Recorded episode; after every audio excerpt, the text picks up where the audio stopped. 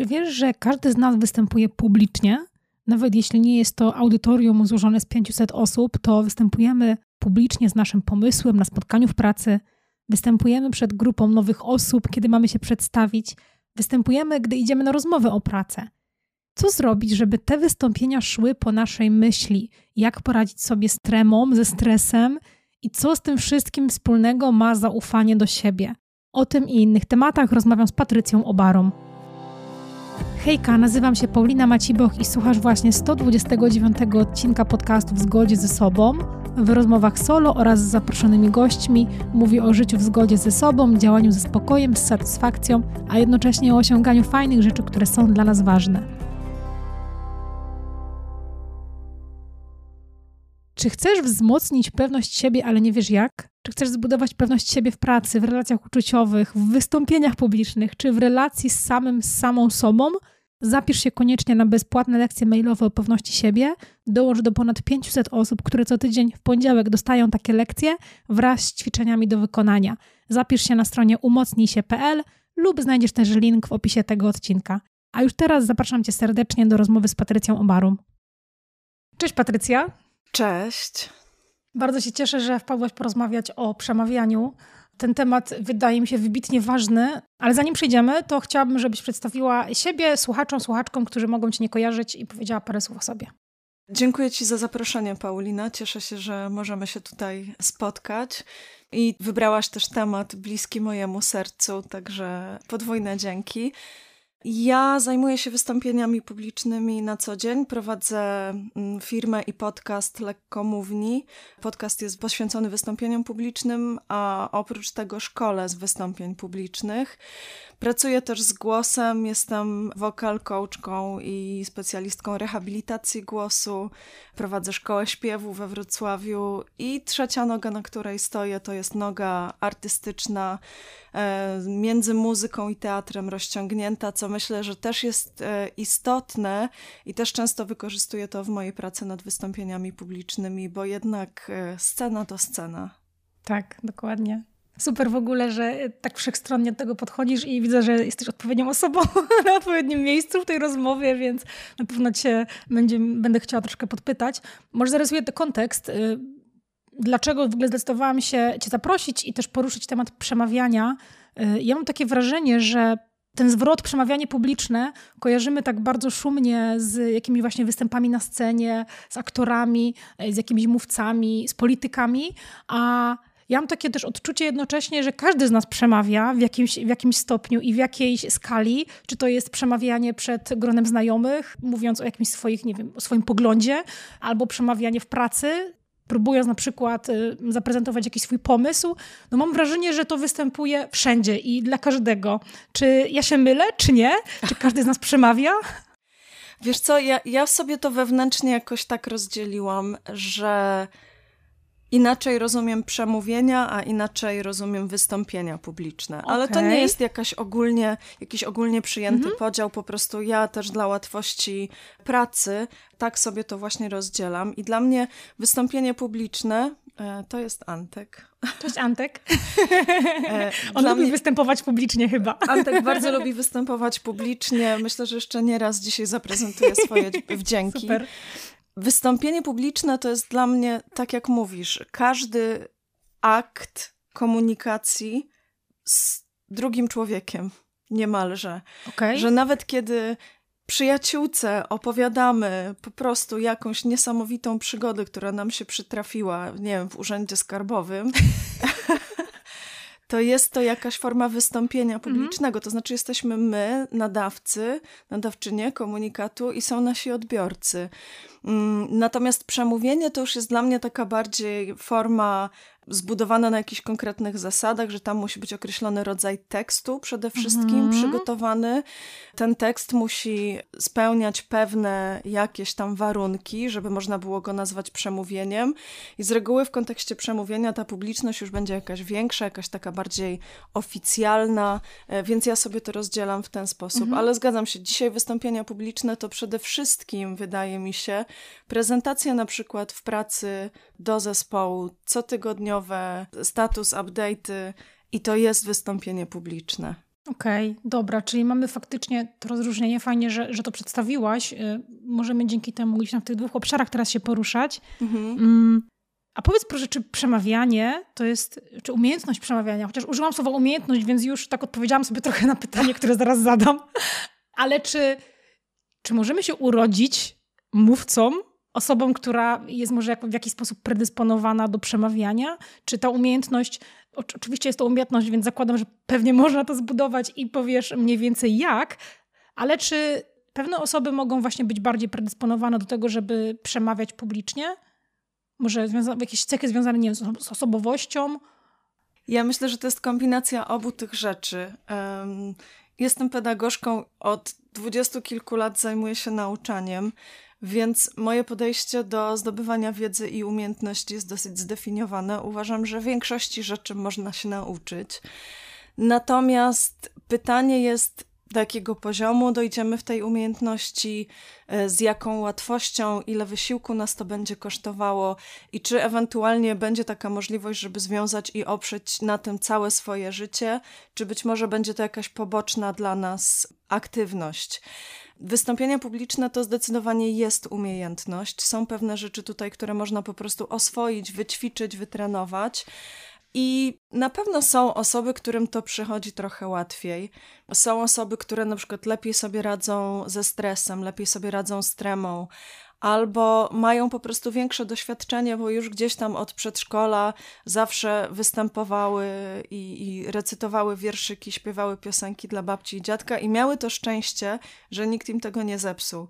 Że nikt im potem nie mhm. powiedział, że to jest straszne, mhm. nikt ich nie skrytykował i tak dalej, więc jakoś mogli w tej łatwości pozostać. Takie osoby na pewno będą musiały trochę mniej wysiłku włożyć w to, żeby tę umiejętność rozwijać. Natomiast jeżeli ktoś zaczyna w wieku późno-średnim, bo akurat tak się potoczyło jego życie, że ta potrzeba się pojawia, myślę, że wszystko jest do wypracowania. Jest nadzieja. Zdecydowanie. Super. A czy uważasz, y, że może słowo każdy jest bardzo mocne i trochę tak zero-jedynkowo dzieli, natomiast czy uważasz, że większość ludzi, albo że w ogóle war, warto, żeby każdy na jakimś etapie życia tą umiejętność wzmacniał. Nie mówię tutaj teraz, może o tej umiejętności przemawiania publicznego według twojego podziału, tylko na przykład wystąpień. Jakby jesteśmy w tych wystąpieniach zawsze, nie? Nawet jeśli rozmawiamy, e, wynika to z twojej też definicji, z jedną osobą, czy z grupą osób. Czy uważasz, że to jest coś, nad czym może warto ćwiczyć? Może taka teraz myśl mi przyszła do głowy, może taka umiejętność powinna być w ogóle ćwiczona w szkole, a nie jest w większości szkół. Wiesz co, to ja zacznę od końca. Mi się wydaje, że jest ale, mhm. ale nie tak jak powinna być, bo okay. czym innym są odpytki przez nauczycieli na środku klasy, jeśli nie tak. wystąpieniem tak. publicznym. I, I to jest moja bolączka, dlatego że mam takie poczucie, że to jest 12 lat kodowania, programowania nas na to, że wystąpienia publiczne to jest coś niebezpiecznego, nieprzyjemnego, grożącego, nie wiem, jakąś utratą statusu społecznego, upokorzeniem, wyśmianiem, a do tego mhm. jeszcze tam na koniec była jakaś zła ocena, potem rodzice się denerwowali denerwowali, nie można było, nie wiem, wyjść na dwór. No dużo jakichś negatywnych konsekwencji to pociągało za sobą, więc dla mnie to jest taka trochę sytuacja, kiedy dzieciaki nie są tego uczone, a potem muszą tej umiejętności używać, e, żeby przejść dalej. I oczywiście przecież nie chodzi o to w odpytce przez nauczyciela, żeby, żeby zaprezentować się publicznie i pokazać mhm. swoje umiejętności występów e, publicznych, e, tylko chodzi o to, żeby tam, nie wiem, pokazać, że się nauczyliśmy tematu z geografii czy tam z matematyki, ale przecież to, mm, że pożera nas przy tym stres, trema, że nie potrafimy się zachować na środku klasy, wpływa na nasze funkcje poznawcze i wpływa na naszą pamięć, na naszą umiejętność kojarzenia faktów, i my po prostu wypadamy gorzej niż na przykład gdybyśmy mogli odpowiadać z ławki albo po prostu, nie wiem, na zasadzie ćwiczenia zespołowego, e, wymieniać się wiedzą, co nauczyciel mhm. by obserwował. Długi temat, można by chyba osobny odcinek o tym zrobić. Tak. Mm, natomiast jeśli chodzi o pierwszą część Twojego pytania, ja bym na to patrzyła z perspektywy potrzeb i z perspektywy korzyści. To znaczy, znam takie osoby i nawet na szkoleniach mi się zdarzały takie osoby, które mówiły: Ja to w sumie nigdy się nie zastanawiałam nad tym, jak przemawiam. Muszę mhm. coś tam prezentować, to prezentuję. Nie zastanawiam się nad tym, czy mi wyszło, czy mi nie wyszło i co ktoś sobie pomyślał. No po prostu zrobiłam ten status update i tyle. I jeżeli tak jest, jeżeli czujesz, że to jest dla ciebie ok, i jeżeli nie dostajesz jakiegoś feedbacku, że na przykład, nie wiem, trudno nadążyć za tym, co mówisz, trudno zrozumieć, co mówisz, widzisz, że, że to wszystko działa tak, jak powinno, to pewnie nie ma takiej konieczności, żeby każdy koniecznie musiał chodzić na szkolenia i konsultacje. Można też zaufać sobie, że odnajdujemy się w tym mm. i to działa. Natomiast jeżeli czujesz, że, że czegoś ci brakuje, mm, jeżeli czujesz, że Twoje komunikaty nie docierają tam, gdzie powinny, w taki sposób, jak powinny, i jeżeli czujesz przede wszystkim, że bardzo dużo cię to kosztuje, to wydaje mi się, że warto taką pracę wykonać, choćby po to, żeby ten koszt zmniejszyć. Mhm. Bo to nie musi być aż tak kosztowne. No jasne, jasne. Super, że o tym powiedziałaś, o tej potrzebie i o tej świadomości, no bo faktycznie pewnie jest masa też wielu umiejętności, które dobrze byłoby mieć wyćwiczone na jakimś poziomie, natomiast no nie da się w życiu zająć wszystkim, nie? Też nie da się nauczyć, nie da się zbudować pięciu nawyków naraz, nie da się nauczyć dziesięciu umiejętności naraz, więc fajnie, tak. że o tym mówisz. A to takie, tak mówię tak sobie, wiesz, sama sobie nogę podstawiam, bo powinnam powiedzieć, nie, wszyscy powinni chodzić na szkolenia i na konsultacje, a tu jest mój numer. nie, ale nie uważam tak. Jak w telezakupach mango, tak. pojawi się na ekranie. Tylko przez pięć minut. Dokładnie, specjalna oferta. Nie, no bardzo, bardzo fajnie, że o tym mówisz. Y, wydaje mi się to ważne, żeby też właśnie świadomie do tego podchodzić, a nie, bo też naszym celem oczywiście nie jest to, żeby ktoś po wysłuchaniu tego odcinka, bo w ogóle innych moich odcinków pomyślał, dobra, to teraz muszę zbudować umiejętność tom, a później tom, a teraz mm. tom, a teraz tom. No i w pewnym momencie to też y, wpływa w ogóle na jakieś takie poczucie sprawczości, pewność siebie, gdy się okazuje, że musimy mm, poprawić 15 rzeczy koniecznie, tak, bo Paulina tak. Maciejbuk tak każe w podcaście. nie o to zupełnie chodzi. A z tego, co słyszę w ogóle w Twoich słowach, to też mam takie odczucie, że u podstaw tego strachu przed przemawianiem leży oczywiście doświadczenie, które gdzieś jest budowane w różnych środowiskach, a wskutek tych, tych doświadczeń leżą przekonania o mhm. tym właśnie, po pierwsze, jak to przemawianie, przemawianie publiczne wygląda, a po drugie, co się dzieje co się dzieje z odbiorcami tego przemówienia, to znaczy osoby, które mogą nas właśnie ocenić, które mogą nas wyśmiać, więc mam wrażenie, że ten temat jest o wiele głębszy, jeśli ktoś na przykład właśnie boi się przemów czy, czy takich wystąpień publicznych, że tam są te przekonania związane z lękiem mm. przed oceną, więc z lękiem przed oceną, ale tutaj nawet rano przed, zanim się wdzwoniłam, to rozmawialiśmy e, z moim partnerem o tym, że ja pewnie znowu będę wtykać kij w mrowisko, a to mrowisko to są właśnie przekonania i właśnie teraz mhm. wetknę kij, bo mam wrażenie, że jest też mnóstwo przekonań na temat tego, jakie powinno być wystąpienie, co, co należy robić podczas mm -hmm. wystąpienia i że pojawia się takie, to ja, jak ja mam to teraz wszystko zrobić, jak ja mam, ja tego nie umiem, tamtego nie umiem, to tyle rzeczy jest, to tyle pracy, mm, podczas gdy po moich szkoleniach ja czasami dostaję taki feedback, że w zasadzie to wypadałoby zapomnieć wszystko, czego się nauczyliśmy na wcześniejszych szkoleniach. I, I no ja tak czasami też myślę, że gdybym miała napisać książkę o wystąpieniach publicznych, to byłby zestaw pytań, na przykład, nie wiem, co zrobić z rękami, albo jak konstruować treść, albo jak zacząć wystąpienie, albo czy pokazać, że się stresuje, czy nie pokazać, że się stresuje. I na każde pytanie odpowiedź brzmiałaby to zależy. Jak psychologii. Tak, tak, dokładnie. Że, że tutaj nie ma żadnych stałych, że tak naprawdę wszystko zależy od tego, kim ty jesteś, jaką jesteś osobą, co masz do przekazania, co masz do zaoferowania innych, że jeżeli przeczytasz te wszystkie książki, w których dowiesz, z których dowiesz się, co należy robić, mhm. i ty tak pilnie do tego podejdziesz, zrobisz sobie checklistę i ty to wszystko zrobisz, to ja nie sądzę, że wygłosisz dobre wystąpienie, bo wydaje mi się, że będziesz tak daleko od siebie samej, od siebie samego. Od autentyczności. Od autentyczności, tak, że no, co z tego, że będziesz jak Tomek Kamel, skoro nie jesteś Tomkiem Kamelem? Jest jeden Tomek Kamel i każdy, tak. kto, kto, będzie nawet lepszy od Tomka Kamela, będzie od niego gorszy, bo nie jest nim. Mhm ale jest na przykład jedna Paulina Maciboch, jest jedna Patrycja Obarak i, i każda inna osoba, każdej innej osoby to też dotyczy. Więc myślę, że te przekonania też tutaj siedzą, nie? że to powinno być jakieś, jakieś bo jak nie, tak. to jest źle. Tymczasem na przykład regularnie spotykam się z sytuacją, kiedy ktoś myśli, a bo ja mówię za szybko, bo powinno się mówić wolniej. Po czym dostaję feedback od grupy po wystąpieniu, no i trzy osoby mówią, że rzeczywiście było za szybko. E, sześć osób mówi, nie, było ok, fajne tempo, fajna energia, a jedna osoba, no dla mnie było trochę za wolno, ale ja na YouTubie oglądam filmiki w, w podwójnym tempie. Tak. No i co wtedy zrobisz? Zaczniesz mówić szybciej, czy wolniej, czy zostanie, jak, jak dogodzisz wszystkim? Nie da się dogodzić wszystkim i to jest Otóż super to. przykład. Super przykład, z którym też mam wrażenie, często spotykają się właśnie podcasterzy, podcasterki, mm. bo ja wielokrotnie słyszę, że mówię za szybko, a na przykład później ktoś mi mówi, że słucha mojego podcastu na przyspieszeniu dwa, czyli jakby tak. dwukrotnie szybciej i głowa mi wybucha. Ja, ja, nigdy chyba nic nie słuchałam na przyspieszeniu dwa. Ja regularnie więc... to robię, zawsze, wszędzie.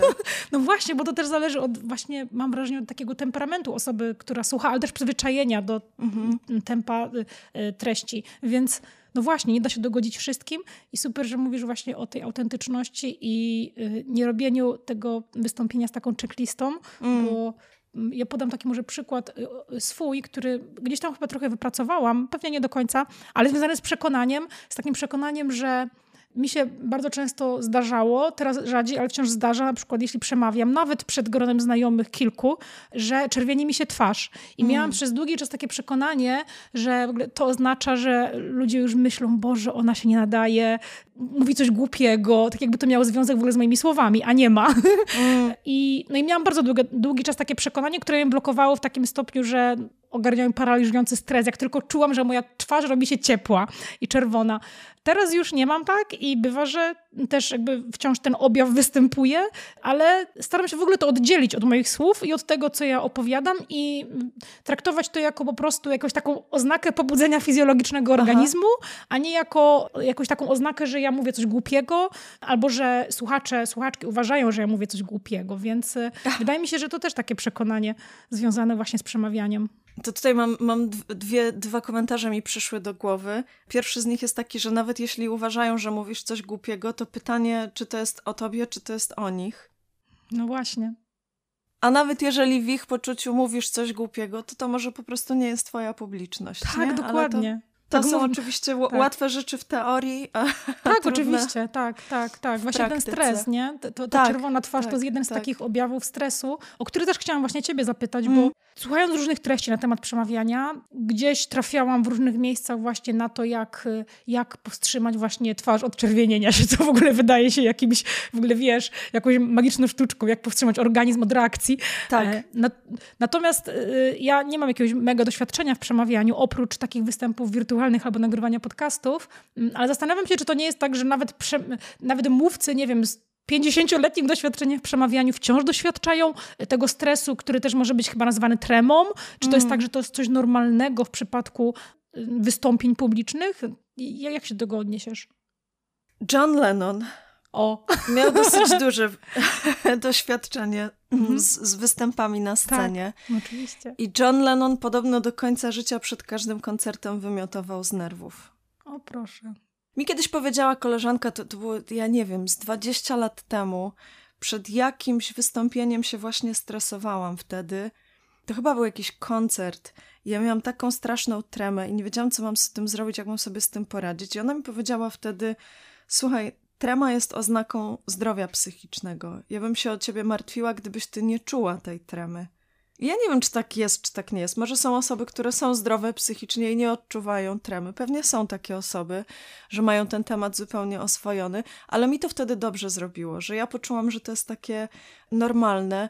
No i jest, no wiesz, sztuczka na czerwienienie się twarzy jest jedna. Kupujesz zielony korektor.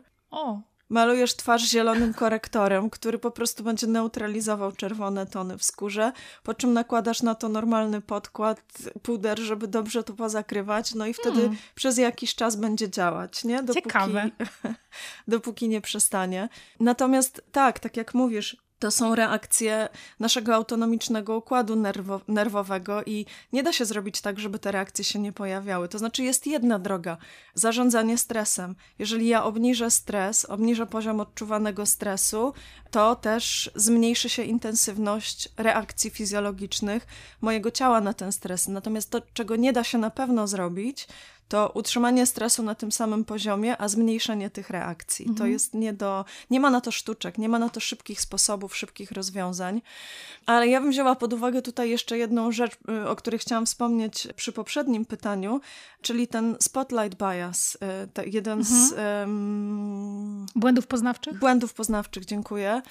Że jeżeli my na coś zwracamy uwagę bardzo, to nam się wydaje, że wszyscy inni też na to tak, zwracają tak, uwagę tak. bardzo, że jak ja mam plamę na koszuli i ja o niej wiem, to mi się wydaje, że wszyscy patrzą mhm. tylko na tą plamę tak. na koszuli. I z twoimi e, zaczerwienionymi policzkami, czy z czyimiś drżącymi dłońmi, czy drżącym głosem, będzie tak samo, ponieważ ja słyszę, że ten głos drży, to mi się wydaje, że ta publiczność już naprawdę słyszy tylko to, podczas gdy no warto sobie może czasami to zweryfikować mhm. i zapytać tą publiczność, co ona widziała i co ona zapamiętała e, z naszego wystąpienia. Mhm. I często będzie tak, ja też pracuję bardzo dużo na informacji zwrotnej od grupy podczas szkoleń, bo uważam, że to jest bezcenne dla uczestników. I często jest tak, że grupa jest w ogóle zaskoczona, jak ta osoba mówi, no bo mi tak bardzo drżał głos, na pewno wszyscy to słyszeliście.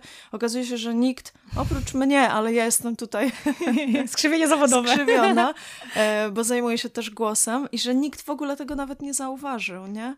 Więc myślę, że to też warto sobie w ten sposób odczarowywać. Super, super, że o tym mówisz i mam w związku z tym dwa pytania. Najpierw pierwsze, Drugie będzie dotyczyło zarządzania stresem, więc pewnie mm. będzie, y, będzie to taki, otworzę kolejny duży wątek. Natomiast załóżmy, że właśnie występujemy publicznie i właśnie w tym momencie przytrafiają nam się te objawy związane na przykład właśnie z czerwienięcą się twarzą, pocimy się, zaczyna nam drżeć głos, zaczynają mieć takie miękkie nogi. I chciałam zapytać, co my w takim momencie możemy zrobić? A zanim jeszcze odpowiesz, to tylko trącę, że to, co zauważyłam, tak teraz przypominam sobie tak retrospektywnie, co ja czasem robię w takich momentach, to przyznaję się do tych objawów mm. i mówię, że no na przykład, nie wiem, że mam czerwoną twarz, ale właśnie teraz pytanie, czy w ogóle ktoś to widzi oprócz mnie i ja się właśnie w tym momencie przyznaję, rozładowując trochę atmosferę, bo staram się to w jakiś taki humorystyczny sposób ubrać, ale pytanie, czy w ogóle jest potrzeba, żeby to robić, czy po prostu nie zignorować tego poniekąd i nie powiedzieć właśnie sobie w głowie, że bardzo możliwe, że tylko ja to czuję, widzę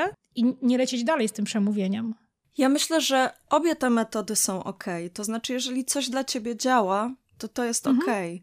Przyznanie się do tego przed publicznością, jak rozumiem, myślę, że jest fajnym rozwiązaniem, bo ono zdejmuje z ciebie właśnie tą presję ukrywania tego. Tak. Więc już uwalniasz część swojej uwagi, którą możesz poświęcić treści wystąpienia na przykład i zdejmujesz sobie z głowy jedno potężne e, zmartwienie. Natomiast tutaj bym tylko uważała, żeby nie iść w jakieś, nie wiem, tłumaczenie się, przepraszanie. w ekstremum, prawda? Tak, że, że pamiętajmy, że tym, że nam się czerwienią policzki, to my nikomu nie robimy krzywdy, nikt na tak. tym nie ucierpi. Więc tak. my możemy przyznać się, tak jak to określiłaś, do tego i zrobić to w humorystyczny sposób, rozbroić w ten sposób swój stres i, i publiczność przy okazji. I fajnie. Natomiast pamiętajmy, że nie ma za co przepraszać, nie ma z czego tak, się tak, tłumaczyć. Tak, tak. Nie, ma się, nie ma sensu przepraszać za to, że jesteśmy ludźmi. Dokładnie. Jesteśmy Dokładnie. Właśnie miałam powiedzieć, że takie rzeczy też nas trochę, e, nawet takie y, przyznanie się, to tak nazywam przyznanie się, to brzmi tak trochę pejoratywnie, jakby to właśnie było coś złego, tak, ale tak. takie może wskazanie na to e, też y, mam wrażenie, że uwiarygadnia, uwiarygadnia tego odbiorcę, takim, y, tego nadawcę komunikatu, przemówienia w takim znaczeniu, że on też pokazuje, że jest człowiekiem, bo załóżmy, że prze, mm. przemawia, nie wiem, Steve Jobs, chociaż to zły przykład, bo on chyba jakieś tam artystyczne zaburzenia osobowości miał, chociaż nie wiem, ale mam takie odczucie, ale załóżmy, że przemawia ktoś, kto nam się wydaje po prostu, że jest mistrzem przemawiania i, i, że, i że w ogóle jego nie, dotyczą, nie dotyczy żadna trema i żaden stres i jeśli taka osoba wskaże właśnie na to, że ona wciąż jakby doświadcza tych objawów, to też y, jest takie właśnie uczłowieczenie trochę tej osoby, tak, nie? Tak, tak, tak. właśnie, dokładnie. I to, to nawet zbliża, nie? To jakoś tak, skraca tak, dystans, mhm. buduje relacje z publicznością. A druga rzecz, bo zapytałaś, czy zignorować to. Znowu, jeśli potrafisz, jeśli to dla ciebie działa, czemu nie? Natomiast y, myślę, że warto to ignorowanie zacząć trenować dużo wcześniej, mhm. żeby nie podejmować takiej próby po raz pierwszy na scenie. I myślę, że to jest taki największy błąd i największa przyczyna niepowodzeń naszych w zarządzaniu stresem, że zakładamy, że to jest coś, co po prostu, jak znam patencik, to wyjdę na scenę, zastosuję patencik i to zadziała. Podczas gdy, tak. no nie, to jest tak jakby chcieć zastosować patencik, że ja mam dzisiaj gorączkę, moje tak. ciało walczy z czymś, ja sobie pomyślę, nie, dobra, teraz będę zdrowa. Mhm. Hmm.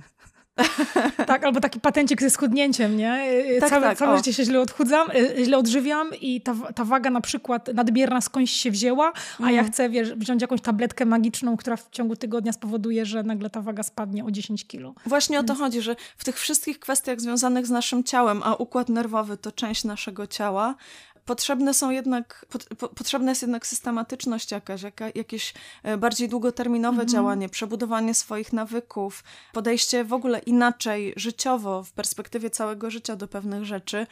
Ja miałam taki problem z tremą to, to kilka lat temu, jak wydawałam swoją płytę debiutancką i tam jakiś wielki, wielki koncert e, szykowaliśmy i w pewnym momencie mnie sparaliżowała myśl jakoś z trzy miesiące przed tym koncertem, że wszyscy wszystko zrobią cudownie, a ja, a ja nawalę, bo jestem tak, tak mnie paraliżuje stres, że ja po prostu nie zaśpiewam tego koncertu. No i to był moment, kiedy zaczęłam nad tą tremą pracować, czyli trzy tygodnie przed. Udało się, udało trzy się. Tygodnie czy trzy miesiące? Bo mm, trzy miesiące, trzy miesiące, trzy miesiące okay, dzięki. To jest całkiem duży, duży, duża jednostka czasu, nie? Tak, a wydaje mi się minimalna absolutnie, że przy dużym problemie z tremą te trzy miesiące to jest naprawdę absolutne minimum. Czasem może trzeba trzech lat, e, nie wiem. Zależy od e, osoby pewnie. Tak, tak, tak. Natomiast no to rzeczywiście daje efekty i dzięki temu wypracowałam sobie narzędzia, do których do tej pory mogę wrócić i jakoś to rozładować, jakoś wrócić do siebie. E, ale to, co mówisz o takim zignorowaniu, to ja bym nawet poszła o krok dalej, żeby nie, nie zignorować, tylko za, zaakceptować, że tak jak w mindfulness trochę, mhm. nie? Że ja biorę tą, tą swoją emocję, ten swój stres, mam, mam ją tutaj przed sobą, patrzę sobie na nią i ja widzę, że aha, to jest takie, ale to nie jestem ja, to jest tylko coś, co ja mam tutaj. Mhm. Mm, I idę sobie z tym na scenę. Nie próbuję za wszelką cenę tego zostawić za kulisami, bo to mi będzie na tą scenę wbiegać, nie? tak. I, I, będę musiała wtedy się od tego opędzać, więc to mhm. mnie będzie cały czas rozpraszać. A jak ja sobie to wezmę i to mi tutaj będzie siedzieć, i ja sobie na to będę patrzeć, może nawet to pogłaszczę od czasu do czasu, to to sobie w końcu uśnie, a ja mogę się zająć swoją robotą. Więc, y, więc może nawet wziąć ze sobą po prostu. Piękna metafora. Od razu sobie wyobraziłam taką kulkę y, chaotyczną y, na takich Aha. nóżkach, która tak biega na scenę i my tak głaszczemy. Piękna metafora. Hmm. Mm, zapytam cię zaraz o zarządzanie stresem, natomiast Wiem, że powiedziałaś, że najlepiej nie stosować takich, wiesz, sposobów, e, lifehacków, ale załóżmy, że ktoś jest już w tej sytuacji, że mu właśnie drżą kolana i on to czuje i gdzieś tam łamie mu się głos i zaczyna się pocić. Czy mhm. są jakieś takie sposoby, nie wiem, na przykład wzięcie jakiegoś długopisa do rąk, żeby zająć czymś ręce, jakieś takie sposoby, które, y, które mogą pomóc troszeczkę to napięcie tak uwolnić, albo może trochę zapomnieć o tym, że, te objaw, że ja tych objawów doświadczam. Mhm. Jest kilka rzeczy, które możemy zrobić jeszcze przed wejściem na scenę. Tylko, że to też proponowałabym wcześniej posprawdzać, czy to dla ciebie działa, bo dla jednych zadziała, a dla drugich mhm. wręcz pogłębi odczuwane emocje. Na przykład ćwiczenia oddechowe, skupienie na oddechu.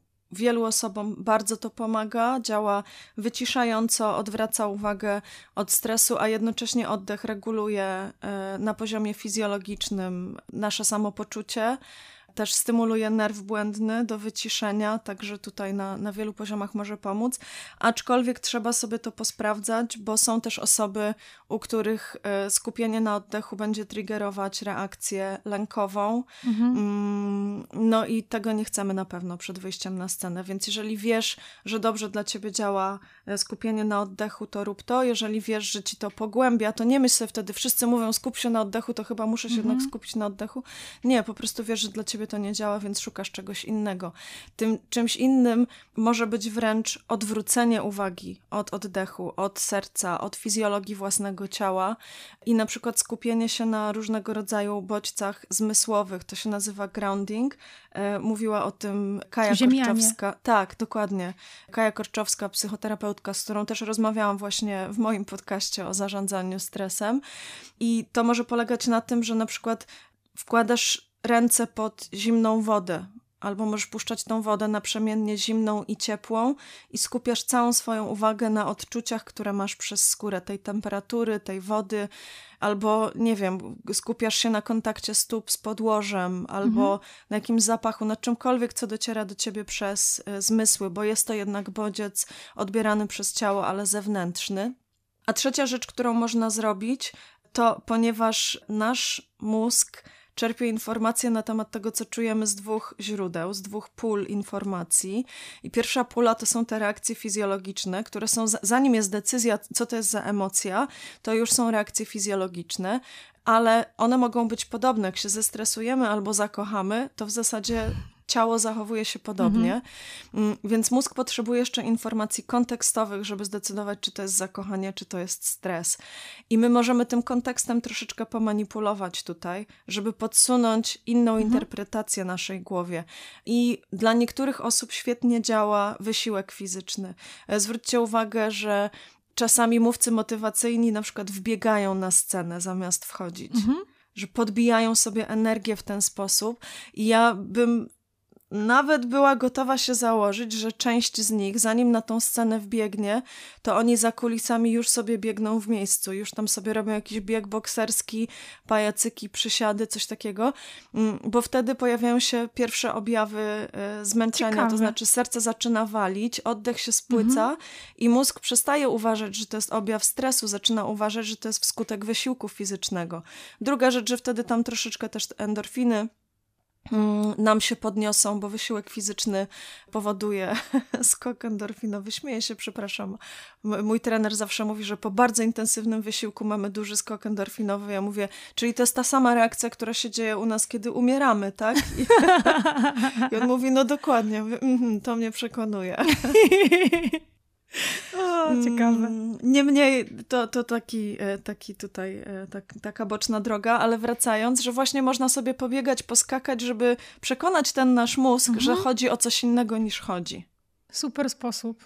Taka reinterpretacja, mhm. po prostu taka typowa psychoterapeutyczna reinterpretacja. Tak, mega, ja to, ja to nazywam fajne. rekontekstualizacją, że właśnie o. bierzemy tą emocję, te odczucia, tą fizjologię, ale wrzucamy ją w inny kontekst. Super. Super sposób. Okej, okay. dobra, czyli mamy już y, to, co ewentualnie przed tym wyjściem na scenę może, możemy mm, zrobić. Mhm. E, a wracając do zarządzania stresem, a, albo jeszcze o jeden sposób zapytam, mm. bo to chciałam zapytać, bo to jest takie popularne w internecie. Wiadomo, że jak to jest popularne w internecie, to niekoniecznie musi się sprawdzać, albo dla niewielu osób, tak. ale często też jest taka, taka sugestia, żeby jak już przemawiamy, to właśnie wyobrazić sobie, że ludzie, którzy przed nami siedzą, są nadzy. I ja nigdy nie wiedziałam dlaczego. Pewnie chodzi o jakiś taki, o jakiś taki humor, wprowadzenie humoru do swojej głowy, ale zastanawiam się, mm. z czego wynika w ogóle ta rekomendacja i czy robiłaś to kiedykolwiek i czy działa? Wiesz co, tak, ja to kiedyś słyszałam e, dawno, dawno temu i próbowałam i to mnie jeszcze bardziej stresowało. I powiem ci, że ja, ja to widzę nie jako humorystyczne, wiesz, ja to widzę jako bazujące na dynamice władzy. Mm, że my mm. upokarzamy publiczność pierwsi, bo wtedy oni już nie mogą upokorzyć nas. Że to rozebranie to nie chodzi o. Bo to, to nie jest humorystyczne, że siedzą przed tobą na no ludzie. To jest setka zarąbiście krępujące i trudne, ale to jednak ty jesteś ubrana, oni są tak, nadzy, tak. nie? Więc ty jesteś wyżej, górujesz nad nimi, no zdominowałaś ich. I wydaje mi się, że z tego dokładnie powodu dla wielu osób to nie zadziała, bo to, czego my potrzebujemy, żeby rozładować stres, to wyrwać się z tej dynamiki władzy. Mhm. Dlatego, że jeżeli ja tą publiczność rozbiorę, po to, żeby oni nie mogli mnie upokorzyć, to ja cały czas muszę być w stanie e, bardzo uważnej obserwacji, czy ta dynamika władzy między nami się nie odwraca. A może ja się pomyliłam, prze, przejęzyczyłam, a w międzyczasie oni się poubierali i ich jest setka, a ja jestem jedna, mhm. nie? Że to jest cały czas musisz utrzymywać się w trybie fight or flight, wchodzi, wchodzisz w tryb fight, wyobrażając sobie ich nago, ale zawsze Czyli jest walcz, opcja. Walcz tak, albo uciekaj. Tak, ale zawsze jest też opcja, że trzeba będzie uciec, bo jak oni zaczną walczyć, to ty już nie wygrasz. Tak. Ja to lubię zamienić, zastąpić czymś innym. Wyobrażenie sobie, albo właściwie przyjęcie do wiadomości, bo to, to, jest, to jest blisko prawdy, że co do zasady publiczność jest wobec nas życzliwa Że naprawdę tam nie siedzą ludzie znowu z tymi checklistami, którzy zapisują wszystkie nasze błędy, tylko ludzie, którzy po prostu chcą się czegoś od nas mhm. dowiedzieć, dobrze spędzić swój czas. Im się uda, kiedy nam się uda. Mamy wspólny cel, idziemy w tym samym kierunku, mamy u nich kredyt zaufania, bo jednak no, siedzą, chcą się dowiedzieć, chcą posłuchać, chcą zobaczyć, więc wolę sobie o tym przypominać przed wejściem na scenę, niż tych ludzi e, próbować dominować od wejścia. Ciekawe, widzisz, ja nigdy o tym tak nie pomyślałam, także fajnie, że, że to tak rozłożyłaś na, na czynniki pierwsze. A z tą życzliwością to przypomina mi się inny sposób, którym jest e, wyłowienie poniekąd z publiczności, jeśli na przykład ona jest duża, takich właśnie życzliwych twarzy, uśmiechniętych, które mm. no, są dla nas po prostu życzliwe, albo może znajome nawet. I to chyba też jest dobry sposób, żeby bo nie da się mówić do stu osób naraz, mhm. a wydaje mi się, że właśnie nawiązywanie też takiego losowego kontaktu wzrokowego z takimi właśnie życzliwymi twarzami mhm. też może jakoś nas tak troszkę zrelaksować. Tak, i to jest zupełnie naturalna reakcja i robilibyśmy to też w takim, w tak zwanym prawdziwym życiu, mhm. nie? Że, że że, że jakbyśmy rozmawiali z dużą grupą, to pewnie chętniej byśmy patrzyli na te tak. osoby, które nam kiwają głowami, uśmiechają się. Zupełnie naturalne. Ja bym tylko tutaj uważała, żeby nie ulec pokusie, żeby patrzeć tylko na jedną osobę. Tą, mhm. tą najżyczliwszą. Okay. Byłam na takiej konferencji, gdzie mówca całe wystąpienie wygłosił do jednej osoby, e, włącznie z tym, że potem zaczął z nią wchodzić w interakcję i to już pod koniec wystąpienia zaczęło wyglądać jak flirt. E, okay. zostało bardzo negatywnie odebrane, dlatego że reszta Rozumiem. publiczności poczuła się wykluczona. Tak, tak. Ale jeżeli mamy takich osób 5, 10 w różnych miejscach sali, mhm. pewnie, że tak. Pewnie, że Super, tak. też fajny sposób. Okej, okay. przechodząc do zarządzania stresem, w takim razie jak możemy zarządzić tym stresem? Może nie, że go pokonać, zwalczyć, wyeliminować, bo to nie jest realne, e, ale jak, e, jak nim zarządzić, tym poziomem, który, na, który może być oczywiście silniejszy lub słabszy w zależności od osoby? Mm, e, to teraz, teraz mamy Mango TV znowu. E, zrobię krótką reklamę. Zapraszam. Obecny sezon e, podcastu mojego Lekkomówni, który prowadzę razem z Michałem Kasprzykiem, jest poświęcony w całości tematowi zarządzania stresem. I co dwa, trzy tygodnie wypuszczamy kolejny odcinek. To są rozmowy z różnymi ekspertami z bardzo różnych dziedzin, więc na razie tam jest chyba z 8 godzin nagrań już. I, mm -hmm. I gdybym miała wyciągnąć z tych 8 godzin coś, co nadałoby się na krótką odpowiedź na Twoje pytanie, mhm. to bym powiedziała, to zależy. Okej, okay, koniec, dziękujemy.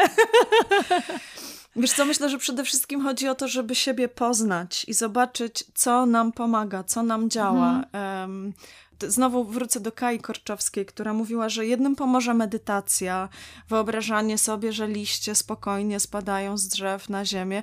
Inne osoby szlak trafi, jak będą siedzieć i na te liście patrzeć, bo one już by coś porobiły. Tak. Są osoby, które pójdą, staną na macie, poćwiczą jogę i tam się wyregulują i znajdą ukojenie, a są takie osoby, które y, wręcz na tą matę zabiorą swoje stresy i będą na tej macie walczyć i ze sobą, i z tą jogą i wyjdą z kontuzją. Mm, więc myślę, że najważniejsze w tym to poznać siebie i zobaczyć, co działa dla nas, bo, bo nie ma takich uniwersalnych sposobów. Dla mnie na przykład bardzo, ja, ja uwielbiam tą rekontekstualizację.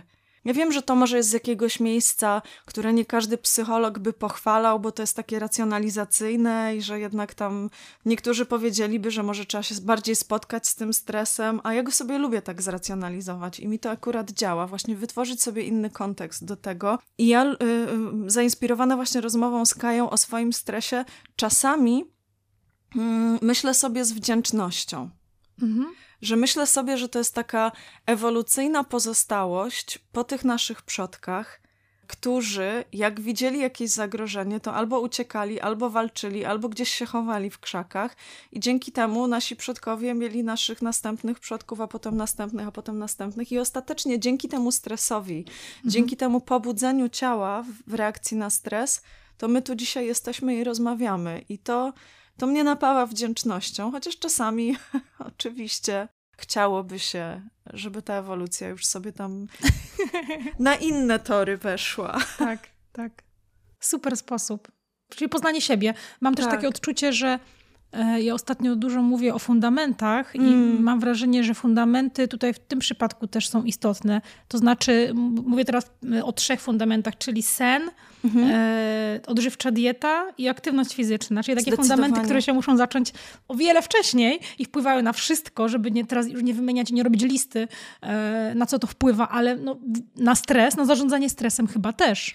Zdecydowanie tak, aczkolwiek mhm.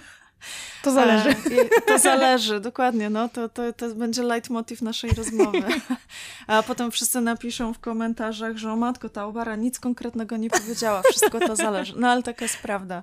Mhm. E, jeśli masz zapamięta zapamiętać jedną rzecz z dzisiejszej rozmowy. To zapamiętaj, to zależy. Tak. Wiesz co, a propos leitmotivów, to takim leitmotivem moich rozmów e, z gośćmi w lekkomównych w tym sezonie jest właśnie to, że że czasami to, co ma nam pomóc, na przykład właśnie te fundamenty, to ostatecznie nam trochę przeszkadza i to mhm. się pojawiało w różnych kontekstach. W kontekście ruchu e, body positive na przykład, mhm. albo w kontekście work-life balance, nie? Niby same dobre rzeczy, ale teraz tak, jeżeli ja wiem, że ja uznaję właściwie, że ja muszę kochać moje ciało, mhm. to w te dni, kiedy go nie kocham, bo są takie dni, to mam dodatkową frustrację, że nie spełniam tego oczekiwania, że coś jest nie tak, że sobie z tym nie radzę. E, work-life balance, mm, po 19 nie pracuję, bo tutaj muszę zachować równowagę i jak mi się przedłuży call do 19.15, to po prostu serce mi eksploduje, mhm. że przecież miałam nie pracować i ruj właśnie rujnuję swoje życie, nie? I myślę, że tak samo jest z tymi fundamentami, że jeżeli my tak po prostu założymy, że ja muszę spać 8 godzin dziennie i pić 2,5 litra wody i idealnie się odżywiać po prostu, to może to zamiast nas uspokoić i pomóc nam radzić sobie ze stresem, może nam e, zrodzić dodatkowe frustracje.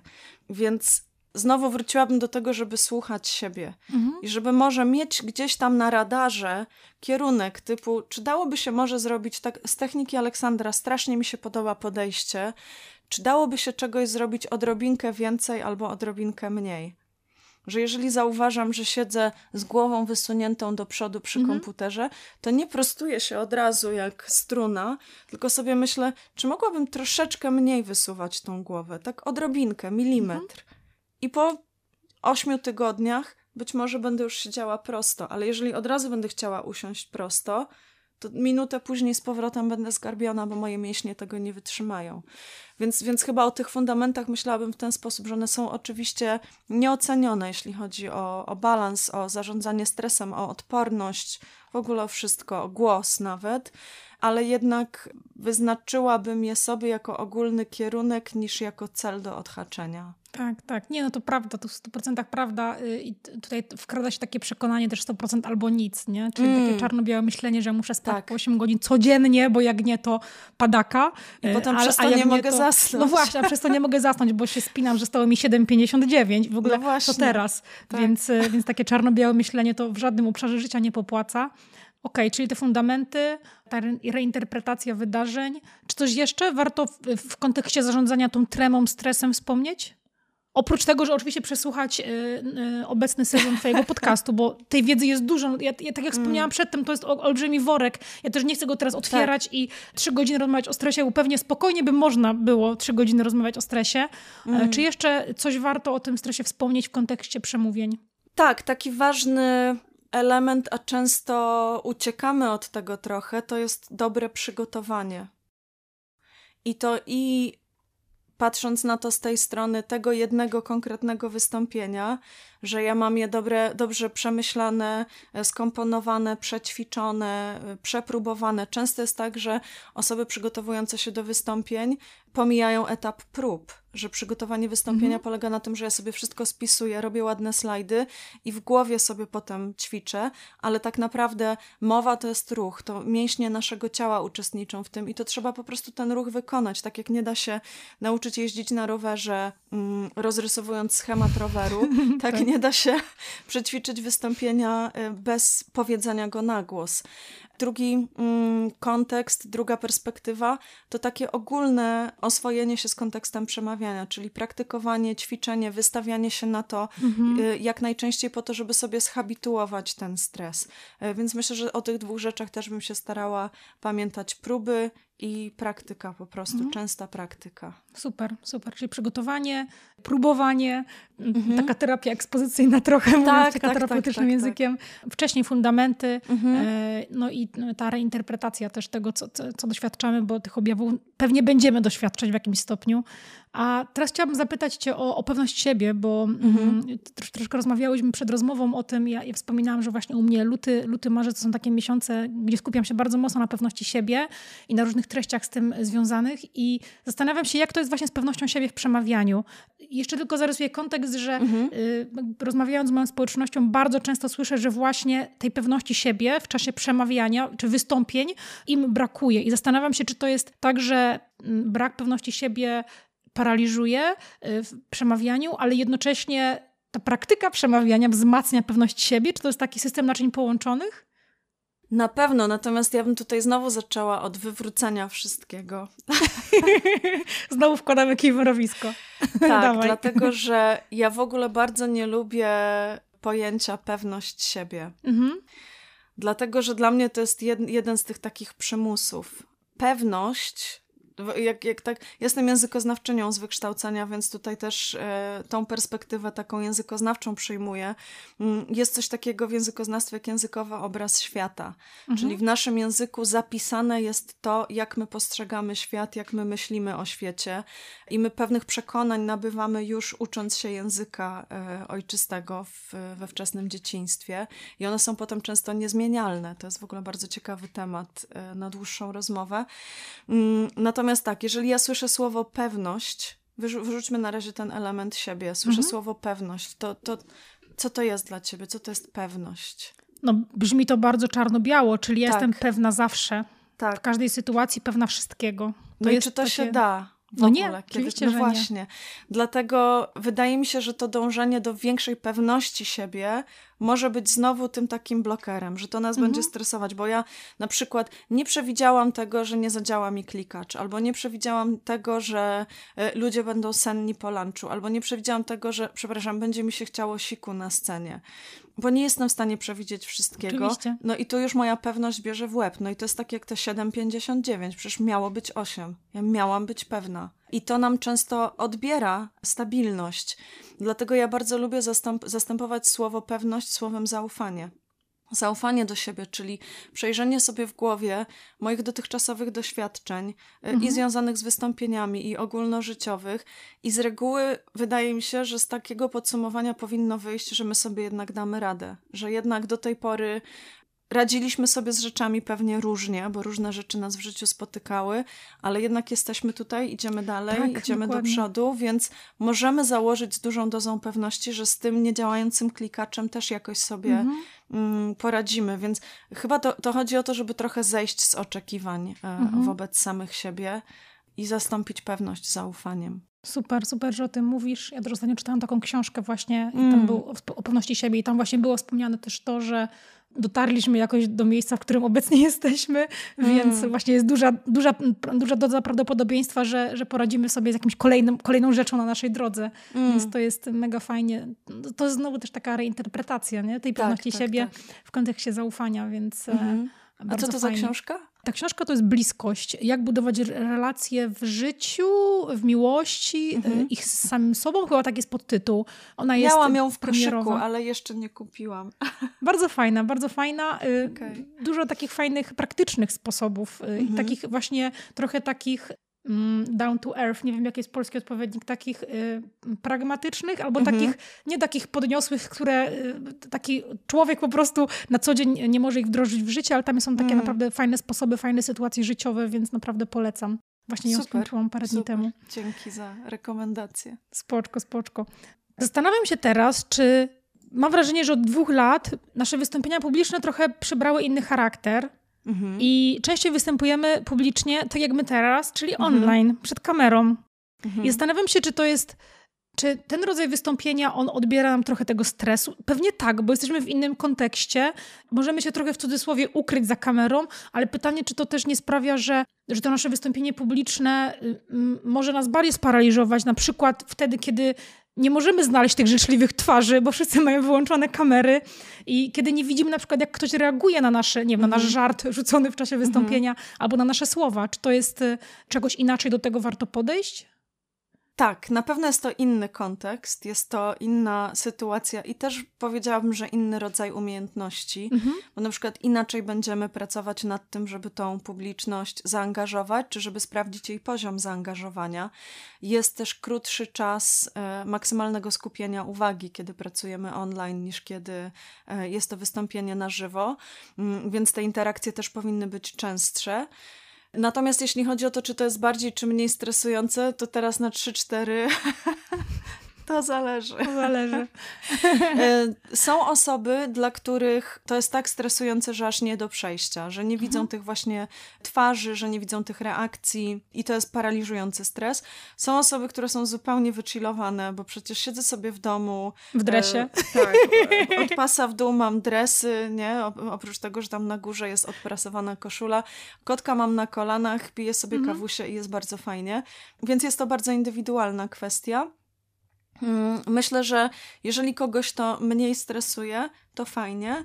Jeżeli mhm. kogoś to bardziej stresuje, to chyba szukałabym jak najwięcej sposobów na interakcję z publicznością i mhm. zastanowiłabym się nad tym, jeżeli mam do wygłoszenia wystąpienie, czy ja mogę w ogóle w całości uczynić je interaktywnym, bo jeżeli ten brak kontaktu z odbiorcami dokłada mi stresu, to czy ja mogę w całości zamienić to w dyskusję, nie wiem, w, robić jakieś głosowania, jak, jakkolwiek okay. ludzie wysyłają kropki okay. na czacie, mm, cokolwiek, żeby mieć cały czas świadomość, że oni tam są i że e, słuchają.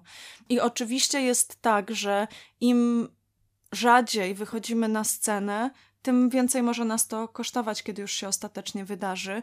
Ale tutaj, e, bo, bo wspomniałam, że Pracowałam nad swoją tremą przed premierą pierwszej płyty, ale nie powiedziałam jak. I ja pracowałam treningiem mentalnym, bo nie miałam takiej możliwości, żeby, nie wiem, na tą scenę sobie codziennie pojechać mhm. i na niej postać. Więc y, Teo Dumski, który mnie wtedy uczył aktorstwa, wymyślił dla mnie takie ćwiczenie, że ja sobie po prostu wyobrażałam tą scenę, wyobrażałam sobie moment wyjścia na scenę, pozwalałam, żeby pojawiał, pojawiały się we mnie wszystkie te trudne emocje i one się naprawdę pojawiały, nawet kiedy sobie to wyobrażałam. I ten trening mentalny pozwolił mi tą sytuację na tyle oswoić, że kiedy ja się tam już znalazłam, to mój mózg uznał, że to jest coś, co już robiłam naprawdę 900 razy w ciągu ostatnich trzech miesięcy, więc chyba już się nie ma czego bać i to, yy, i to poszło. Super. Tak jak u mm. sportowców, nie? Tak, Sportowcy tak, też tak, często sobie tak, wyobrażają ten tak. moment startu na przykład w zawodach.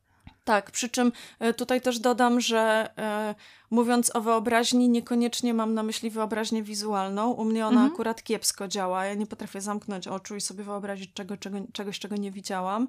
E, ale jak, jakkolwiek to dla ciebie działa, nie? to może być poprzez jakieś, nie wiem, poczucie siebie w przestrzeni na przykład, czy e, poprzez jak, czy wyobraźnię mhm. werbalną, jakąkolwiek, jakiej używasz na co dzień. To nie musi być wizualna, bo często jest takie skojarzenie, że jak nie zobaczy tego obrazu, to to nie zadziała. Zadziała, tylko e, twoją, twoją metodą.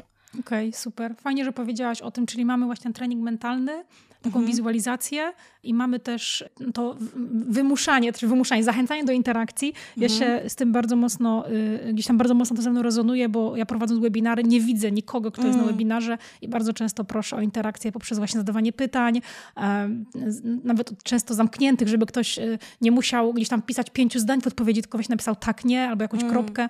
Więc to, to jest bardzo fajny sposób na to, żeby po pierwsze właśnie zaktywizować ludzi, y, ale też sobie, sobie dać, dać takie poczucie, że ktoś słucha. Mm. Więc bardzo, bardzo fajny sposób. Mm, a czy właśnie w takich, w takich wystąpieniach online jeszcze coś możemy zrobić, żeby może zdjąć z siebie trochę to, to napięcie związane z tym wystąpieniem? Dobrze się przygotować. Uniwersalna, uniwersalna e, rekomendacja. Tak, ale też y, myślę, że przyjrzeć się tym rzeczom, które mogłyby nam niepotrzebnie tego stresu dołożyć, mhm. czyli na przykład sprawdzić wcześniej technikalia Bo często tak. jest tak, że jak my wchodzimy na to spotkanie online i nagle okazuje się, że nie działa nam ta prezentacja, albo że miało być słychać, a nie słychać, albo że mhm. mamy podlinkowany filmik na YouTubie i on akurat został usunięty, tak. to, to to dokłada nam tego stresu. Później się trudno opanować i wrócić do jakiegoś stanu równowagi, więc to na pewno postarałabym się mm, sprawdzić wcześniej. E, no, no nie wiem, dać znać kurierowi, żeby, żeby nie dzwonił przed 11. Tak. Ale też myślę, że warto sobie tuż przed taką, takim wydarzeniem dać trochę czasu dla siebie. Mhm żeby nie wskoczyć z biegu na to spotkanie, żeby dać sobie te 5-10 minut już z wyłączonym telefonem, e, bez tam przeglądania maili czy, czy, czy mediów społecznościowych, tak po prostu na skupienie myśli, mhm. zebranie myśli, już nawet nie przygotowywanie się, to już na, można wyłączyć te slajdy, ale tak po prostu się wyciszyć żeby z tego miejsca wyciszenia i spokoju zaczynać spotkanie, a nie z miejsca, kiedy ja biegnę i nawet w sumie jeszcze nie, nie zadam sobie pytania, jak ja mam zacząć. Tak, mhm. tak, tak. To jest świetny sposób. Ja też zawsze staram się tak robić, właśnie, żeby się wyciszyć mhm. E, w jakiś sposób, no, czy medytacją, czy po prostu mm. oddychając. Oddychanie to mam wrażenie jest bardzo niedoceniana czynność, mimo że wszyscy to robimy, tak. to, to, to, to, w, tym, w tym e, przypadku też może pewnie fajnie zadziałać. Okej, okay. a Mam teraz tak, takie wyobrażenie, że y, y, mówiłyśmy właśnie na początku, że wystąpienie publiczne to jest nawet taki kontakt jeden na jeden z jakąś osobą, mhm. a znowu odniosę się do tego, co, co słyszę od mojej społeczności, że, że, że, brak tej pewności siebie lub zaufania do siebie, jak sobie powiedziałyśmy, może też się bardzo często gdzieś tam manifestuje się w takiej sytuacji, że musimy coś o sobie powiedzieć, jakoś mhm. się zaprezentować. Może zazwyczaj w jakimś nowym gronie, nie, idziemy na studia, idziemy do nowej pracy, jesteśmy na jakiejś imprezie, gdzie nie znamy większości osób, osób. Co możemy zrobić właśnie w takiej sytuacji, żeby z jednej strony dobrze się zaprezentować, no bo wiemy na przykład, że pierwsze wrażenie jest istotne i chcemy się dobrze po prostu zaprezentować, a jednocześnie, żeby nie zjadł nas stres właśnie przed tym, że przemawiamy przed dziesięcioma osobami, które widzimy po raz mm. pierwszy w życiu. Ale cię teraz zaskoczę. Przygotować. wiedziałam, wiedziałam, że będzie przygotowanie. Wiesz, bo to, to nie jest zazwyczaj sytuacja, która nas jakoś zaskakuje. No jak idziemy na, na te pierwsze zajęcia z tą nową grupą, to tak. jest niemal pewne, że tak. ktoś z prowadzących poprosi nas, żebyśmy powiedzieli kilka słów o sobie. Nikt tego nie lubi, ale zawsze tak, się zdarza, nie? Dokładnie. Więc może warto sobie wcześniej przemyśleć, dobra, jak będę miała powiedzieć trzy zdania o sobie, to powiem to, to i to. Bo wiesz, wydaje mi się, że to jest taka pułapka, która też się zdarza przy innego rodzaju wystąpieniach publicznych, mm, że jak ktoś się w czymś czuje słabo, no mhm. no to wtedy wie, dobra, muszę się przygotować, tam zebrać treści i tak dalej, przećwiczyć.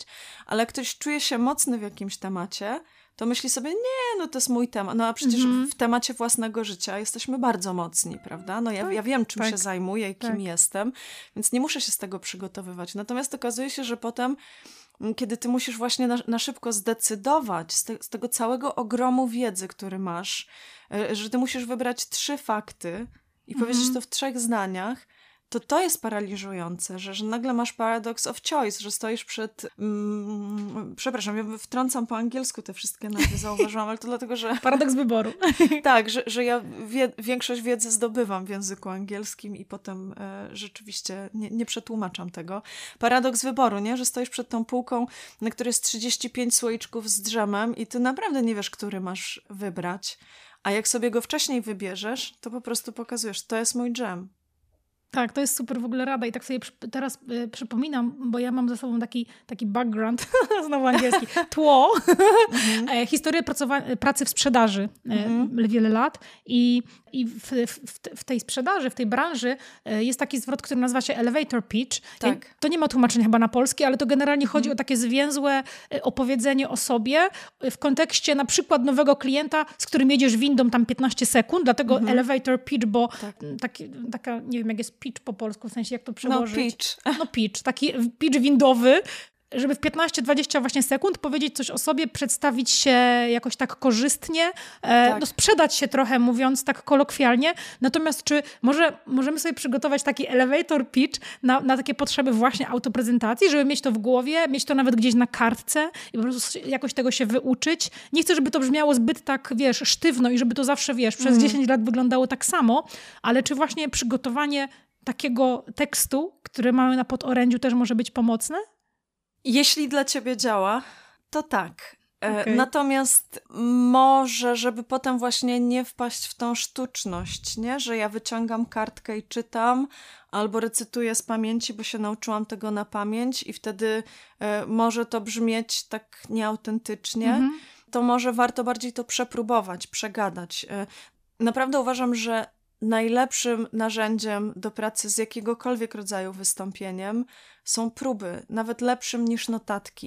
I mhm. jeżeli ja sobie mm, dziesięć razy opowiem o sobie, siedząc sobie nawet sama w domu, po prostu mhm. z kotkiem na kolanach i patrząc przez okno, dziesięć razy na głos powiem sobie: Cześć, mam na imię Patrycja, zajmuję się tym i tamtym, to więcej mi to da, więcej swobody, niż napisanie sobie tego tekstu i nauczenie się go na pamięć. Bo jak się nauczę tekstu na pamięć, to ja mam wokół tego takie wyobrażenie, że te słowa są potem nadziane na sznureczek. Mhm. Nadziane? Nawleczone. Mhm nawleczone na sznureczek. I jak ten sznureczek się w którymś momencie zerwie, to to się rozsypuje, że nie, nie ma kotwicy, mhm. nie ma do czego wrócić, trzeba to wszystko na bieżąco zbierać. Natomiast kiedy ja sobie to przegadam, to za każdym razem powiem to troszkę innymi tak. słowami, więc mam w głowie kilka alternatyw. Tak. Mam też już wyćwiczone, aha, jak zapomnę tego słowa, to potrafię szybko znaleźć e, inne, więc rośnie zaufanie do siebie. Więc ja zamiast takiej ściągi poświęciłabym czas na to, żeby sobie zrobić więcej prób. Okej, okay, super. I nie super. przed lustrem. Nie przed lustrem. Wtedy obserwujemy siebie. Tak samo jak na. Tak. Jest takie, gdzieś ostatnio też czytałam właśnie, że w czasie takich różnych wystąpień publicznych y, online, czy na przykład jakichś webinarów, wykładów, to warto mhm. wyłączyć sobie swoją kamerę, tak. żeby nie patrzeć na to, jak ja wyglądam, czy ja tu tak. wyglądam szczupło z tego profilu, czy nie, tak. tylko żeby skupić się właśnie na przekazie, na ewentualnie na odbiorcach. Tak. Więc y, no to jest fajny w ogóle sposób i też to kojarzę z treningiem asertywności, czyli próbowanie y, takiej asertywnej komunikacji, która może być dla nas nowa, w takim zaufanym otoczeniu mhm. właśnie bliskiej osoby, kogoś, kto jest nam znowu życzliwy, no bo to jest coś nowego dla nas, ale też po pojawi się w mojej głowie taka myśl, czy właśnie zamiast tego tekstu, wiesz, mhm. wystudiowanego, wyuczonego, czy nie warto właśnie mieć w głowie na przykład jakieś słowa kluczowe i na przykład tak. wiedzieć, że to ja chcę powiedzieć o na przykład w moim przypadku, ja chcę powiedzieć o crossficie, o podcaście i o tym, że lubię czytać książki. I wtedy Super. Y, mhm. wiem po prostu, że no tutaj robię to i robię to i lubię robić to i wtedy mamy te słowa kluczowe, które nam pomagają mhm. właśnie, może, może to pełni rolę właśnie takiej kotwicy, która nam pomaga właśnie ułożyć te słowa za każdym razem inaczej, czy mhm. w zależności czy mówimy do jakiegoś kumpla, y, kumpla naszego kumpla, który, który, którego poznajemy, czy na przykład jesteśmy w pracy i ta atmosfera może jest bardziej formalna wtedy. Tak. Tak, bardzo fajny pomysł y, i to, to jest coś, co ja bym też zrobiła na przykład. Gdybym ja się miała przygotować, y, na przykład na szybko tutaj jadę, tu zapomniałam, mhm. nie, nie mam czasu, żeby zrobić 10 prób, tak. to ja bym sobie w głowie po drodze przygotowała kotwicę i Super. improwizowałabym kontekst, ale wiedziałabym, że chcę powiedzieć o tych trzech rzeczach. Mhm. Okej, okay, bardzo fajnie. Powolutku zawijamy do końca rozmowy, jeśli już takie, takie metafory żeglarskie, tu kotwica, zawijamy tak, do, do tak. portu. Chciałam jeszcze zadać Ci mm, kilka takich pytań. Jesteś ekspertką od głosu, więc ten głos, zakładam, ma duże znaczenie w tym, jak my brzmimy, jak, jak, e, jak odbiorca nas odczytuje. Czy jesteś w stanie, znowu, to jest kolejny jakiś duży worek, który nie będziemy otwierać, bo, bo e, mogłybyśmy pewnie spędzić kilka godzin rozmawiając o tym głosie, ale czy jesteś w stanie właśnie powiedzieć, co możemy z tym głosem zrobić, żeby właśnie brzmieć, użyję tego słowa pewniej, mhm. albo żeby brzmieć, jak, jakbyśmy mieli zaufanie do siebie, nawet jeśli go w tym momencie może nie mamy za dużo, no żeby po prostu wypaść dobrze, żeby mhm. nawet się za, zaprezentować sam, samego siebie, samą siebie lepiej.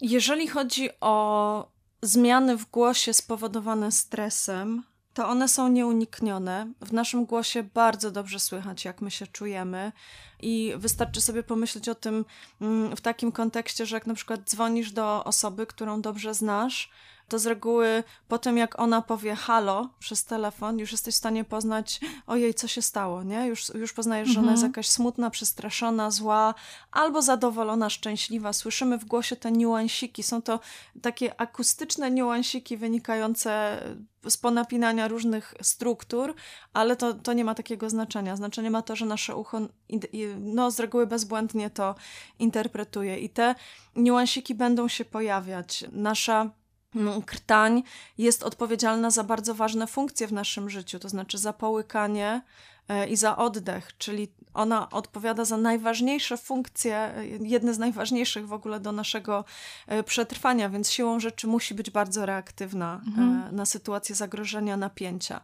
Więc jeżeli chcemy, żeby ten głos mniej reagował na stres, to znowu zaczęłabym od e, obniżania poziomu stresu, od zarządzania stresem, mhm. a nie od pracy nad tym, żeby nie drżał głos. Natomiast faktem jest, że głos, który jest lepiej wyćwiczony, będzie bardziej stabilny i on troszeczkę mniej będzie na te, mm, na te, na te fizjologiczne bodźce e, reagował.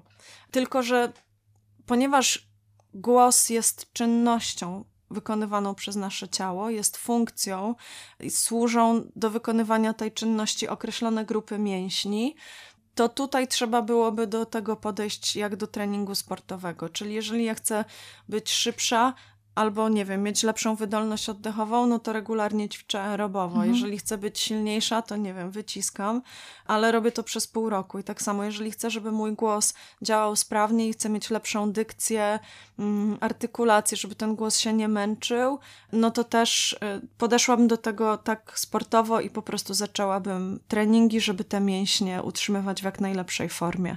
Okej, okay, super. Czyli znowu nic na szybkiego, żadne lifehacki, tylko najlepiej, y, jeśli na przykład wiemy, że y, jest to nasz problem i nam to przeszkadza w jakimś stopniu, albo ta nasza dykcja nie jest idealna.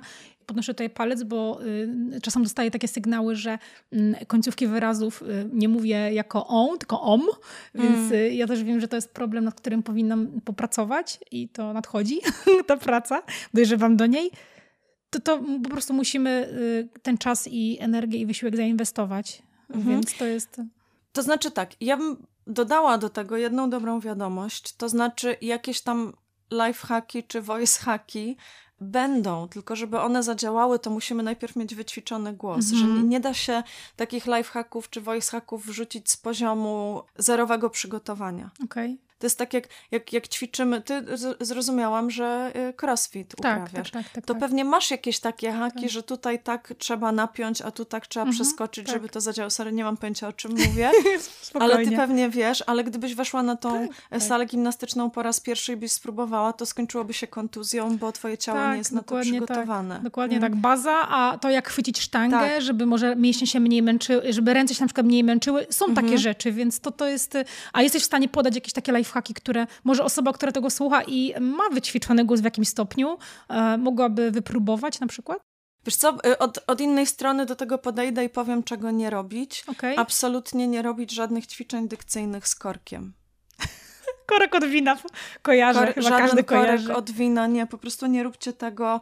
To jest jakiś, jakiś absolutny archaizm e, w tej pracy z głosem, który może powodować po pierwsze dosyć poważne przeciążenia na stawie skroniowo-żuchwowym, mhm. E, a po drugie, jeżeli mamy tendencję do mówienia płasko, z przymkniętymi ustami, mm, to taki korek będzie nam prawdopodobnie taką tendencję pogłębiał, bo mięśnie będą oporować i wytworzy się nawyk jeszcze silniejszego mhm. zaciskania mięśni, więc Y, jeżeli szukacie sztuczek, to to nie jest ta sztuczka. Okej. Okay. Dobra, myślę, że pewnie w Twoim podcaście można takie wskazówki znaleźć, w razie czego. E, nie w tym sezonie, okay. ale. ale będzie. Czyli można obserwować. Tak, okay, można fajnie. obserwować. E, jeżeli, żeby nie zostawić was tak, no jeśli nie korek, to co? I nic nie dała, zabrała korek, a nic nie dała w zamian. Mm, to ja bym poświęciła trochę uwagi na to, żeby sobie porozluźniać mięśnie twarzy, mhm. mięśnie szyi. E, to będzie miało ogromny wpływ na wyraźność mowy, na dźwięczność mowy. To nawet nie trzeba się zbliżać do fałdów głosowych, ale właśnie porozluźniać sobie tutaj gdzieś mhm. żwacze, mięsień skroniowy, te mięśnie na czole, mięsień wokół szyją. tak, poruszać szyją, pokręcić, gdzieś tam sobie poprzetaczać głowę. Um, tego typu rzeczy mhm. bardzo fajnie nam e, ustawią głos na sam początek mówienia. Super. I są takie przystępne, prawda? Nie musimy mieć tak. od wina, ani tak. nie musimy jakichś tam językowych łamańców mówić. No to super, bardzo fajny mm. sposób. Dobra, dwa ostatnie pytania, Patrycja. Mhm. Pierwsze, takie standardowe pytanie, które właściwie zadaję każdemu, kto, e, kto tutaj mnie odwiedza i z, z kim rozmawiam. Czy możesz polecić słuchaczom jakąś książkę ciekawą, którą czytałaś? Tak, bardzo y, chętnie polecę książkę. Ona jest niestety po angielsku. Mm -hmm. Damy radę. Mm, the Extended Mind: The Power of Thinking Outside. O, jest nie tylko po angielsku, bo Jest po mamy, polsku, mamy ją tak? nawet na półce. O. Y, y, Niedawno miałam współpracę reklamową Mm. z wydawnictwem, które ją wypuściło i Mhm. y, wydawnictwo, Feria chyba, z tego co Mhm. pamiętam. Y, I jest. Jak, Czyli jest już tłumaczenie. jak myśleć, jak, jak myśleć nie używając mózgu. Taki jest Okej, polski tytuł, okej. troszkę to troszkę, Super. troszkę No. nie, nie jest to rozszerzony umysł, tak jak wskazuje nazwa angielska, ale jest. Bardzo Super, polecam tą książkę. mówisz. Nie wiem, czy już ją czytałaś. Tak, E, świetna. Dla mnie ona po prostu zrewolucjonizowała sposób, w jaki ja myślę o myśleniu. Że dla mnie to Tak. słowo zaczęło znaczyć zupełnie coś innego. Dużo bardziej zaczęłam wierzyć też mojemu ciału, moim gestom, Mhm. mojej intuicji. Zaczęłam zwracać większą uwagę na to, jak skonstruowane jest moje otoczenie. E, I to, to, są, to są dla mnie rzeczy e, przebudowujące, tak fundamentalnie przebudowujące. I może e, dla kogoś ta książka nie będzie aż tak istotna, ale może przynajmniej znajdzie w niej jakieś inspiracje i podpowiedzi. Super, super. Pełna zgoda. Ja też właśnie jak czytałam tą książkę, to miałam takie poczucie, że, że ta koncepcja rozszerzania umysłu to jest coś, co Mm. zaczyna być coraz bardziej widoczne w różnych treściach i e, miałam też wrażenie, że będzie coraz bardziej, że to, że to właśnie może zrewolucjonizować w przyszłości na taką dużą skalę. Mm. Nasze myślenie o myśleniu, me, Tak. metamyślenie, więc Tak. e, również polecam. Także fajnie, fajnie że, że o niej wspomniałaś. To E, nawet nie mhm. jest rozszerzanie, tylko ja bym powiedziała, że to jest niezawężanie, nie? bo tak Mhm. naprawdę to jest trochę Tak. powrót do, y, do początku, do tego, co my Tak. w sobie mamy od Tak, zawsze. dokładnie. Tylko, że no, dzisiejsza kultura bardziej stawia na ten mózg, ten komputer tak, w tak. głowie. Ten neurocentryzm intelekt. tam tak, wspomniany. Tak, tak, Mhm. dokładnie. Tak, to jest, to jest Mm. bardzo ciekawe. Ja właśnie też bardzo sobie cenię sygnały z ciała i myślenie, myślenie ciałem. To jest dla Mhm. mnie mega istotne, ale też myślenie właśnie przestrzenią, innymi ludźmi. Mam Tak. wrażenie, że to myślenie innymi ludźmi jest wybitnie Tak. ważne w czasach, kiedy no mamy, no mamy taką epidemię samotności, Tak. y, y, biorąc pod uwagę właśnie nasze takie nawyki cyfrowe, y, czy w ciągu ostatnich dwóch lat, czy w ogóle w ciągu Mhm. ostatnich kilkunastu lat, od kiedy jest internet. Tak. Mm, Więc książkę polecam na pewno też i, i wrzucimy w opis odcinka. E, Super. Patrycja, gdzie można cię znaleźć? Jakby ktoś chciał właśnie posłuchać. Już wiemy, że podcast lekkomyślni. e, Lekkomówni. lekkomówni. lekkomyślni. Ale zrobiłam teraz no ładnie. Ale bardzo ładne, bo wiesz, Nie wydaje mi się, że, że trzeba lekko myśleć, żeby móc lekko mówić, No więc tak, to w tak, pewnym tak. sensie się łączy jak najbardziej.